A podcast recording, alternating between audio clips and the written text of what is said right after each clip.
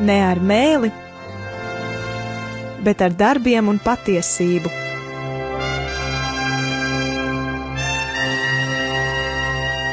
Atvērsim svētos rakstus un studēsim kopā. Māca Jēkabs, Dieva un Kunga Jēzus Kristus kalps.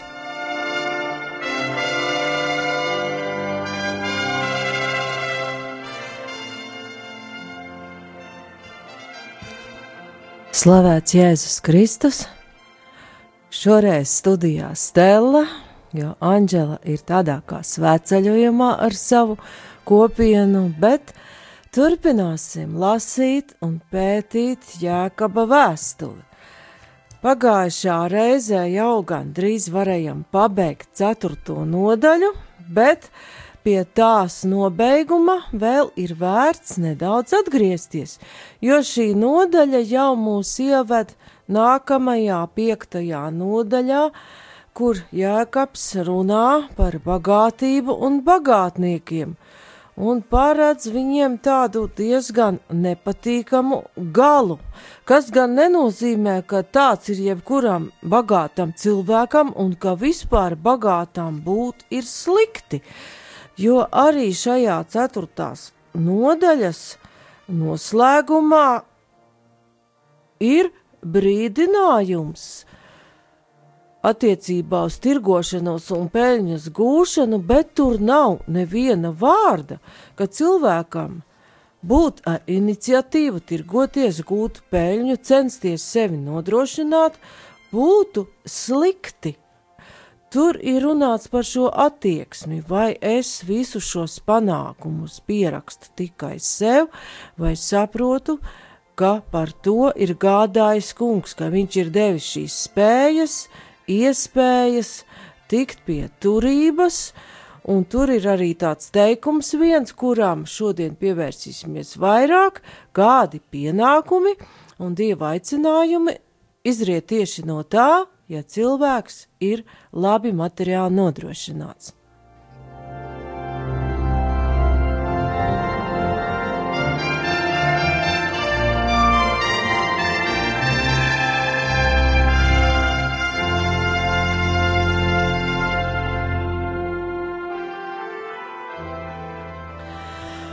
Jau iepriekšējā reizē lasījām par to, un ir vērts to vēlreiz atcerēties, ka lielākā cilvēku problēma ir šī ļoti lielā plānošana, paļaujoties pilnībā uz sevi, domājot, ka mēs absolūti visus apstākļus spējam paredzēt. Bet dzīves vēsture arī mūsu nesenā pagātnē, daudzu cilvēku dzīves, arī tai skaitā turīgu pat visvairāk, pierādīja to, ka mēs visu paredzēt nevaram un varam ciest milzīgu sakāvi. Un ja uzskatām to, kas bijis iegūts tikai, ka tas ir mūsu sasniegums un tikai mūsu roku darbs, varam piedzīvot ļoti lielas ciešanas un sāpes, jo pamats zem kājām it kā ir izzudis. Pati pa sevi, kā jau minēju, bagātība nav slikta, un gadu tirgosimies un gūsim peļņu, kā raksta Jēkabs 4. nodaļā, 13. pantā, nebūtu nav tik slikti, ja cilvēkam ir dotas šīs spējas kaut ko paveikt, saprast, ko tai brīdī darīt, kas viņam nesīs peļņu un būt turīgam, nav jau nemaz tik slikti, ka šis cilvēks sev nodrošina un nesēž eh, tautas valodā runājot citam uz kakla. Bet jāatceras ir tas, ko iepriekšējā reizē jau minēju, šoreiz atkārtoti nelasīšu, kas ir teikts atkārtotā likuma grāmatā 8. nodaļā. Atcerēties vienmēr, ka Dievs ir tas, kas dod šo spēku, enerģiju, saprašanu, gūt šo labumu un vairot savu materiālo, jāsaka arī e, garīgo un intelektuālo bagātību, jo daudzi cilvēki, varbūt viņi materiāli nebūs tik turīgi, bet viņiem ir liela bagātība un iegums, viņu izglītība, viņu zināšanas. Bet tur ir šis brīdinājums, ko jau arī minēju, kad par kuru ir runāts atklāsmes grāmatas 18. nodaļā, visas šīs lietas tomēr pieder pasaulē, kura ir pēc grēkā krišanas iznīcīga, lietas nāk un iet, un tās var zust vienā stundā. Un pārlasot šo atklāsmes grāmatas 18. nodaļā, mēs redzam no 11. līdz 19. pantam, ka tieši turīgie cilvēki, šie tirgoņi, kas tajā laikā, kad grāmata ir rakstīta, ir šis turības un bagātības simbols, tieši viņi cieš un pārdzīvo visvairāk no šīs uh, kunga tiesas, ka bagātā pilsēta Bābele, ar kuru mēs arī saprotam šīs pasaules iekārtas simbolu, sabrūk vienā stundā, jo mēs lasām jau no desmitā panta atklāsmes grāmatas 18. nodaļā. Attālu stāvēdam aiz bailēm no viņas mokām tie sauks, vai vai lielā pilsēta, varanā pilsēta Bābele, vienā stundā sodība ir nākusi pār tevi. Visas zemes tirgoņi raud un sēro par viņu, tāpēc, ka neviens vairs nepērk viņu preces, zeltu un sudrabu, dārgakmeņus un pērles, linu, audeklu un purpuru, zīdu un sarkanu audumu, dažādus tūju kokus, dažādas ziloņkaula lietas no dārga koka, vara, dzels un marmora darinātus priekšmetus. Tālāk seko vēl uzskaitījums, kuru es nelasīšu, bet varam no 14. panta turpināt. Un augļi, pēc kuriem tava dvēsele kāroja, ir pagalam Visi dārgumi un krāšņumi tev zuduši, un tos nekad vairs neredzēt. Veikalnieki, kas ar šām lietām tirgojās, un kas no viņas kļuvuši bagāti, stāvēs attālus aiz bailēm no viņas mokām, un raudādami un sērodami sacīs, vai vai lielā pilsēta, kas bija tērpusies dārgā audeklā, purpurā un sarkanā audumā, kas bija rotaļājusies ar zeltu, dārgiem akmeņiem un pērlēm, vienā stundā visa šī bagātība gājusi bojā. Te redzam veikalniekus, tirgotājus, un 18. nodaļas atklāsmes grāmatā 17. pants runā arī par to, ko mūsdienās augtu par loģistiku, par visa tā uzskaitītā pārvietošanu. Tātad arī tā, biznesa nozare iet šai vienā stundā bojā. Visi stūrmiņi, laivinieki, jūrnieki un visi, kas darbojas uz jūras, stāvēja no tālienes un sauca, redzēdami viņas liesmu dūmus, kas ir cita šai lielai pilsētai līdzīga. Tie kaisīja pelnus uz savām galvām un brēca raudādami un sērodami, vai vai lielā pilsēta, kurā kļūši bagāti no viņas mantām visu kuģu īpašnieki, vienā stundā tā ir izpostīta. Nu, atklāsmes grāmata arī nesaka, ka pati par sevi šī cilvēka darbošanās ir slikta, bet atgādina par to, ka paļaujoties tikai uz to, ka man kaut kādā laika posmā būs noteikti šī peļņa, kuru es atkal ieguldīšu tur un tur, ir ļoti, ļoti nedroša, jo mēs nevaram paredzēt, kas būs tālāk.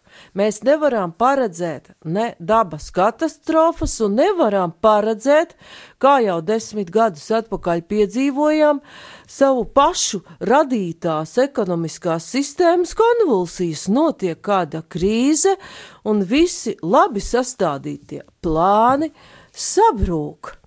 Un vēl tur varam ievērot, un te redzam, ka atklāsmes grāmata šis fragments par tirgoņiem un tirgošanos ļoti labi komentē šo jēkaba brīdinājumu. Nesakiet šodien vai rītu, jo viņš tur tālāk arī saka, kur jums būtu jāsaka, ja tas kungs tā gribēs, mēs dzīvosim un darīsim to un to. Cīm redzot, atklāsmes grāmata runā par cilvēkiem, kuri šo kunga prioritāti nebija ņēmuši vērā. Un lasot šo atklāsmes grāmatas fragmentu, kā jēkaba vēstules brīdinājuma dziļu un plašu izvērsumu, mēs vēl varam ievērot, ka tajā uzskaitījumā, ko daļēji es arī nolasīju, tur bija viss kaut kas, izņemot to, kas cilvēkam ir viņa dzīvei un kvalitatīvai dzīvei ļoti nepieciešams. Tur bija runa par luksus priekšmetiem. Tur bija dārgakmeņi, pērles, dažādi dārgi koki un tā tālāk. Tā tad runa par tādu lielas greznības priekšmetu tirgošanu. Tas notiek arī mūsdienās un var ietvert arī amorālu biznesu, kā nu, īsts piemērs ir spēļu elles, vai arī alkohola tirdzniecība, vai cita šāda veida biznesa, kas nevis dod līdz cilvēkam labumu un apgādā viņu ar dzīvē nepieciešamām precēm, bet ved viņu uz materiālu un garīgu izpostīšanu. Tā tad arī tur ir šis moments ietverts, bet to vairāk atklāja atklāsums grāmata. Jautājums ir par to, ar ko cilvēks nodarbojas, ar ko viņš gūst labumu, vai tas ir tāda joma vai nodarbošanās, ar ko viņš vispār var vērsties pie Dieva un lūgt kungu svētīt šo viņa darbošanos, šo viņa tirgošanos un viņa ienākumu gūšanu.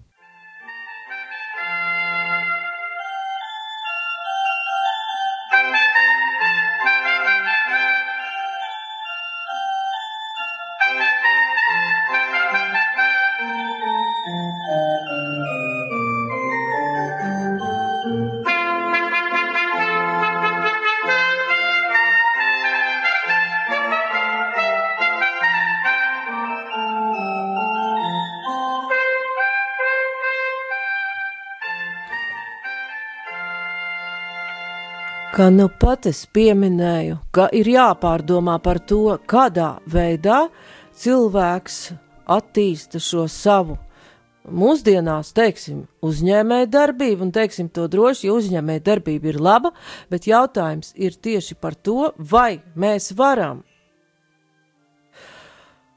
ar to iet kunga priekšā un lūgt viņa svētību, vai nē, bet tālāk Jēkab vēstules 4. nodaļas nobeigumā mēs varam pieņemt, ka cilvēks eh, dzīvo un darbojas un gūst peļņu, nodarbojoties ar tādām lietām, par kurām viņš varētu lūgt kunga svētību, bet tomēr ir šis brīdinājums 16.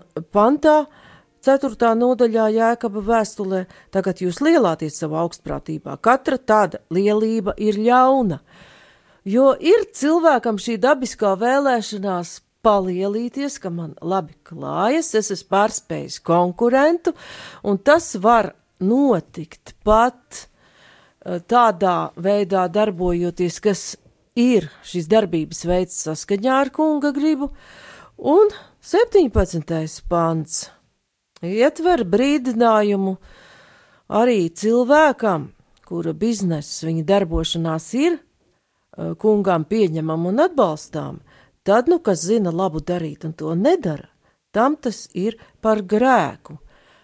Te jau mēs pieejam klāt šim turības un bagātības izlietojumam, jo jau manis pieminētajā atkārtotā likuma grāmatā ir minēts, ka bagātība pie tevis krāsies un vairosies, tad atceries to kungu. Tā tad pat dieva vārds pieļauj varbūtību un to akceptē, ka rosīgi darbojoties ar tām dāvanām un spēku, ko dievs tev ir devis, tu vari kļūt bagāts. Bet šeit jēkabs mina, tā, kas zina labu darīt un to nedara, tam tas ir par grēku. Jo Turība, bagātība ir ne tikai patīkama un atbrīvo rokas daudz kam labam un patīkamam, bet arī liels pārbaudījums. Jo vispirms jau cilvēkam rodas šī plānošanas tieksme par mēru, kuru jau minējām un par ko runā Jēkabs, un tad var iziet kā bagātajam muļķim Lūkas evaņģēlijam, 12. nodaļā no 16. līdz 21. pantam, ka viņš redz, ka viņa raža ir liela, un viņš pārbūvēs šķūņus un cels tos lielus, augstus un platus, bet viņš nezina, ka jau tajā naktī no viņa atprasīs viņa dvēseli, un kā Jēzus saka, tā iet bagāt tam, kas nav bagāts dievā.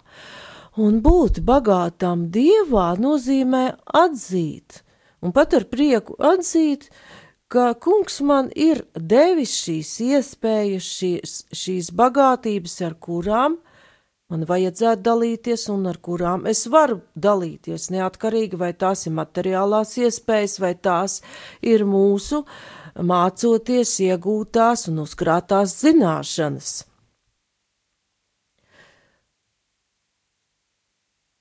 Tātad zina labu darīt un nedara. Tam tas ir pa grēku. Kas mums ir Ar to jādara, kungs ir pateicis, jau dekalogā desmit baušļos. Mums ir uzticēts jau radīšanas grāmatā pasauli pārvaldīt un arī kopt un sargāt. Svētajos rakstos ļoti daudz šo norādījumu, kā darīt labu, un ka tieši pēc tā mēs tiksim tiesāti, kā Mateja evaņģēlijā runā pats Jēzus 25. nodaļā, ko vairāk kārtīgi esmu jau pieminējis un liekas pat ir lasīts priekšā, bet atkārtošana ir zināšanu māte, un lai mēs tomēr to ļoti labi atcerētos, vēlreiz varam tajā ieskatīties. Ko tad Jēzus saka par šo labu darīšanu? Mateja evaņģēlijas 25. nodaļa no 35. panta, un tur ir pateikts, kas cilvēkam ir jādara, ja viņš ir pārbagāti svētīts, tad viņam ir jāatceras tas, ka ne visiem ir šī svētība tādā lielā un pārbagātā mērā dot. Un Jēzus saka, jo es biju izsalcis, un jūs esat mani paēdinājuši, es biju izslāpis, un jūs esat mani dzirdinājuši, es biju svešinieks, un jūs esat mani uzņēmuši, es biju pliks, un jūs esat mani apģērbuši, es biju slims, un jūs esat mani apmeklējuši, es biju cietumā, un jūs esat nākuši pie manis, tad taisnie atbildēs viņam un sacīs: Kungs, kad mēs esam tevi redzējuši izsalkuši un tevi paēdinājuši vai izslāpuši, un tevi dzirdinājuši, kad mēs esam tevi redzējuši kā svešinieku un tevi uzņēmuši, vai pliku un tevi apģērbuši. Tur vēl seko viens teikums, un 40. pāns ir Jēzus atbilde, tad ģēniņš tiem atbildēs un sacīs: Patiesi es jums saku, ko jūs esat darījuši vienam no šiem maniem vismazākajiem brāļiem, To jūs esat man darījuši. Un šie Mateja evaņģēlija vārdi, kurus tur runā pats kungs, paskaidro tuvāk šo jēkaba vēstules 4. nodaļas 17. pantu. Kā zināt labu darīt? Mums svētie raksti ir, kunga vārdi ir, tā tad mēs varam zināt, kā labu darīt. Bet, ja to nedarām, tad tas ir par grēku, jo tajā pašā 25. nodaļā Jēzus runā arī par to, ka ir cilvēki, kas neapģērb šo pliko, nepabaro izsalkušo, neiet pie otra cietumā. Kā abas šīs puses, ka var darīt gan tā, gan tā, var dalīties ar to, kas mums ir, un var to paturēt tikai sev, ir ietverts īsajā 17. pantā. Un tas ļoti līdzeni mūs jau pārvada tekstā uz piekto nodaļu, kur jēkabs jau kļūst attiecībā uz bagātniekiem ļoti bargs.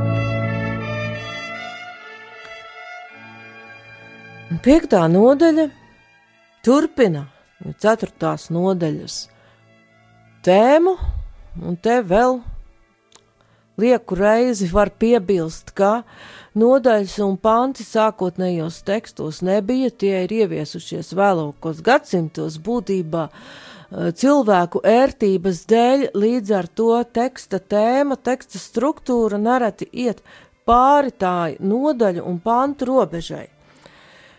Un Jēkabs runā ļoti bargus vārdus, nu tad bagātnieki raudat, un vaimanājiet par tām nelaimēm, kas jums nāk virsū. Jūsu bagātība ir sapuvusi, un jūsu drēbes ir kodas sajēdušas, jūsu zelts un sudrabs ir sarūsējis, un viņu rūsa būs jums par liecību, un saēdīs jūsu miesas kā uguns. Jūs esat sev mantas krājuši pēdējās dienās. Raugi alga atrauta strādniekam, kas ir nopļāvuši jūsu laukus brēc, un pļāvēju saucēji, saucieni ir sasnieguši tā kunga cebota ausis. Kā šeit pat neatrodam nevienu tādu iedrošināšu vārdu, jēkabs it kā bagātu cilvēku nolīdzina ar zemi, bet kāpēc viņš to dara? Viņš turpina jau iesāktu tēmu, kā jau es minēju, kas nu zina labu darīt, bet to nedara, tam tas ir pa grēku. Tā tad tālāk mēs varam secināt, ka piektajā nodaļā viņš runā jau par tādiem turīgiem cilvēkiem, kuri gan zina, kā darīt labu, bet vienkārši to nedara, jo viņiem jau skopums viņus ir pārmācis, viņi jau ir iegājuši šajā savas turības un finansiālās varēšanas atkarībā, un, kā teiktu pāvests Francisks, viņi jau ir pilnībā samaitājušies un korumpējušies, viņiem tas jau liekas normāli, ka viņi nedalās ar to, kas viņiem ir, un viņiem liekas normāli un pieņemami, ka viņi to nēdušo, pliko un kailo neredz. Mierīgi pasaka, viņš pats ir vainīgs. Un kāpēc tad ir tik liela atbildība par to visu? Var teikt, ka saknes var sameklēt jau radīšanas grāmatā, jo pirmā nodaļā radīšanas grāmatā 26. līdz 28. pants runā par cilvēka, un cilvēks, pilnais dieva attēls ir vīrietis un sieviete, viņiem tiek dots pienākums piepildīt ar pēcnācējiem un pārvaldīt zemi. Tad būt valdniekam par zemes resursiem, par visu, kas tur ir, par visām dzīvajām radībām. Un mūsdienās jau zinām, ka valdīt par zemi, par radībām var dažādi. Jo mūsdienās tiek aizmirsts, Otrās nodaļas 15. pāns, kur ir otrais radīšanas apraksts, ka ir šis skaistais dārs, kas tiek stādīts tieši cilvēkam, lai viņš tur varētu būt, un kungs dod pienākumu šo radīto pasauli ne tikai pārvaldīt, bezatbildīgi izmantot visu, kas tur ir, bet arī kopt un sargāt. Nu, iznāca tā, kā mēs jau lasām trešās nodaļas sestajā pantā radīšanas grāmatā, ka cilvēks pats izvēlējās noteikt labu un ļaunu, ko Dievs bija aizliedzis.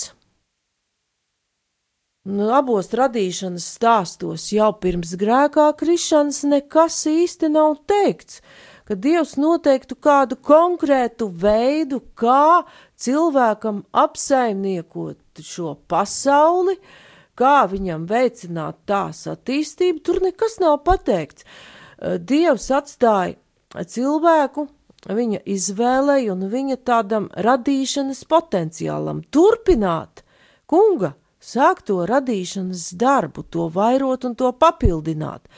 Bet vēlēšanās noteikt pašam labu un ļaunu atstāja ietekmi arī uz to, kā cilvēks izvēlas pārvaldīt šo pasauli, kādu ekonomisko un politisko sistēmu viņš ievieš un kā viņš to īsteno.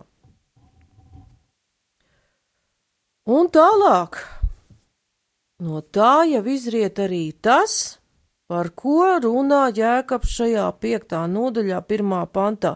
Vaimanājiet par tām nelaimēm, kas jums nāk virsū.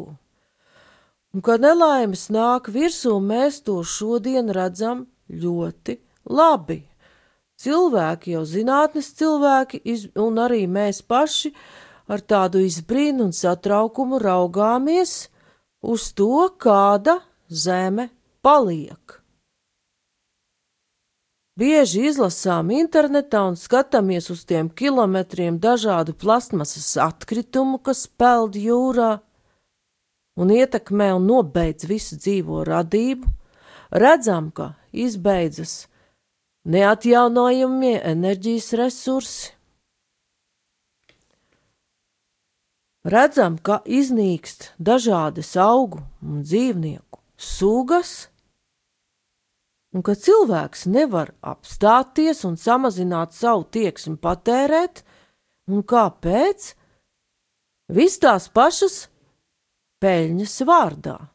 Tie, kas spēj gūt peļņu, aizmirst par šo pienākumu kopt un sargāt, un šādā veidā paši rauj sev virsū šo iznīcību un nelaimi, jo klimata pārmaiņas nes līdzi arī šīs stihiskās nelaimes, no kurām neviens nav pasargāts un kuras var pilnībā sagraut jebkādus ilgtermiņa plānus. Un ilgtermiņa plānu vietā, peļņas gūšanas vietā, ir jāstājas pie tā atjaunošanas, kas ir sabrucis, kādā stihiskā nelaimē, vai kas ir sabrucis arī, kad cilvēku radītā sistēma izrādās neusticama, jo vienam ir gribējies vairāk nekā pārējiem, un ir gribējies apkrāpt tos pārējos.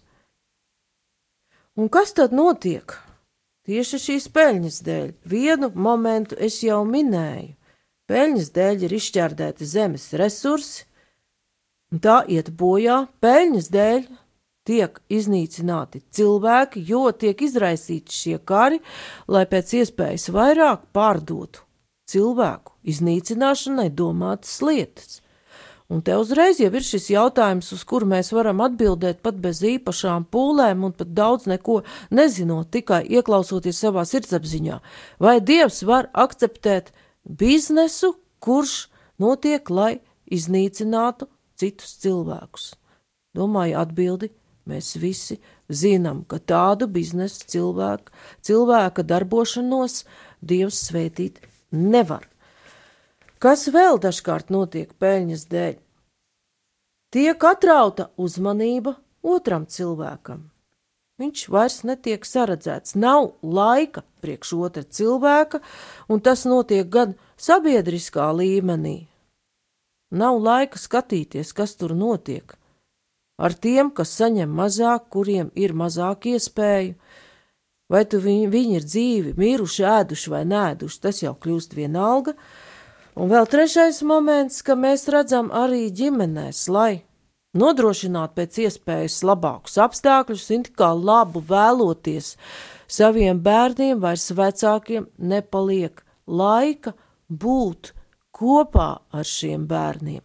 Viņi paliek savā vaļā, kaut gan materiāli ārkārtīgi labi nodrošināti, un par sekām jau daudzreiz mēs gan dzirdam un redzam plašsaziņas līdzekļos.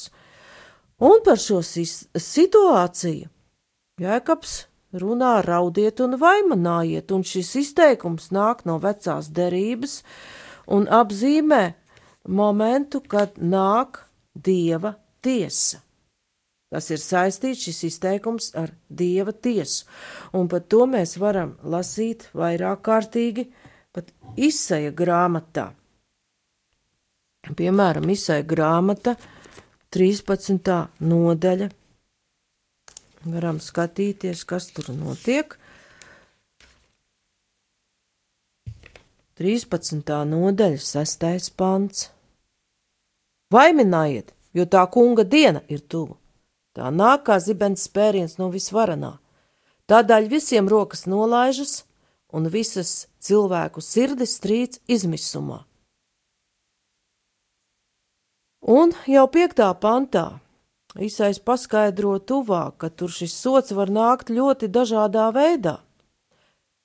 Un tur ir runa pat par uh, karaspēku, kas nāk no tālienes. Viņi nāk no tālas zemes, no pasaules gala, tas kungs un viņa dusmu piepildīšanās rīki un nāk izpostīt visu zemi. Un izsēja grāmatā arī tas ir cilvēku rīcības sekas. Tāpat mēs izsēja grāmatā 14. nodaļā varam lasīt par šo tiesu. 14.6. Kas tautas dusmās pēra bez mitēšanās, samina tās un nospieda savā bezgalīgajā bardzībā ļaudis nežēlīgā verdzībā. Nu ir miers visā zemē, visi atpūšas, visur skan gavilis bet šajā izsaja tekstā ir gan šis sots, gan arī atjaunošanās pēc soda, jo atšķirībā no cilvēkiem Dievs pieļauj.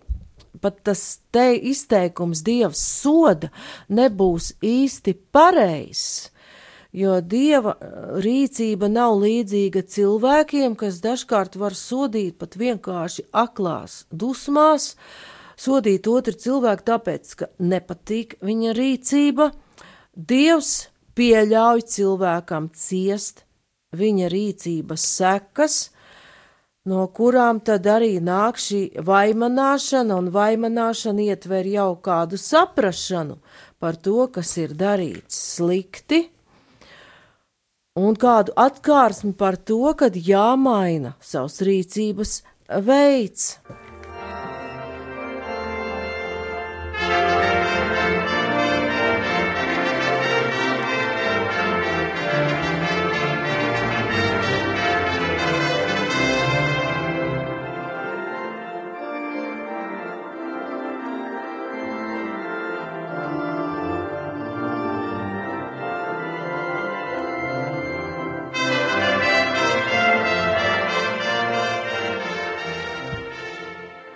Tālāk, piektajā nodaļā, šajā īsajā fragmentiņā, kas attiecas tieši uz bagātiem cilvēkiem, mēs varam saprast, ka problēma ir, kā jau teicu, ne pašā bagātībā, kā tādā. Kaut gan Jēzus eh, evaņģēlijos runā par to, ka bagātība ir grūts pārbaudījums, ka grūti bagātam ieiet dieva valstībā, runājot ar bagāto jaunekli, uh, Viņš aicina visu pārdot, lai būtu manta debesīs, bet redzam, ka bagātais jauneklis aiziet noskums, jo viņam bija daudz mantas un viņam žēl ir no šīs bagātības šķirties. Un kā Jēzus saka, grūti ieiet kā, kā kamielim caur adatas aci debesu valstībā. Un adatas acis bija tādi ļoti zemi un šauri vārti Jeruzalemes mūrī, kur ir jāsaliecas, un arī no kamīļa jānoņem viss nost, tā kā ar saliektu muguru tikai uz kuras nekā nav cilvēks var ieiet šajā debesu valstībā. Un te ir problēma, ka lasām bagātības sapuvusi, drēbes kodas sēdušas, kāpēc? Ka runa ir par to, varam secināt no tās bagātības raksturojuma, kādā veidā tā ir iegūta. Kā ir iegūta šī peļņa, ja jau jēkabs to sauc par sapuvušu un kožu sēstu, un tur viņš atkal komentē Mateja evaņģēlija tekstu, ka nekrājiet iznīcīgās mantas, kas ir kalnas sprediķī, un ceturtā pantā jau ir īsa tāda atbilde – Raugi, alga atrauta strādniekiem, kas ir nopļāvuši jūsu laukus brēc, un pļāvēja saucieni ir sasnieguši tā kunga cebota ausis. Arī te jēkabs atsaucas uz veco derību, jo vecajā derībā likumā algas aizturēšana, algas atraušana strādniekam bija viens no nāves grēkiem, grēks, kas sauc uz debesīm. Bet tā kā mūsu raidījuma laiks jau ir iztecējis, mēs izvērstāk par to runāsim jau nākamajā raidījumā, mēģinot saprast, kādā veidā mūsdienās strādniekam tiek aizturēta alga, kādi ir šie bagātības gūšanas veidi, ka to, to kungs var uzlūkot tikai kā sapuvušu, un kā tad šī rūsa var liecināt pret cilvēku. Bet šodien es atvados, paldies par uzmanību, studijā bija Stela.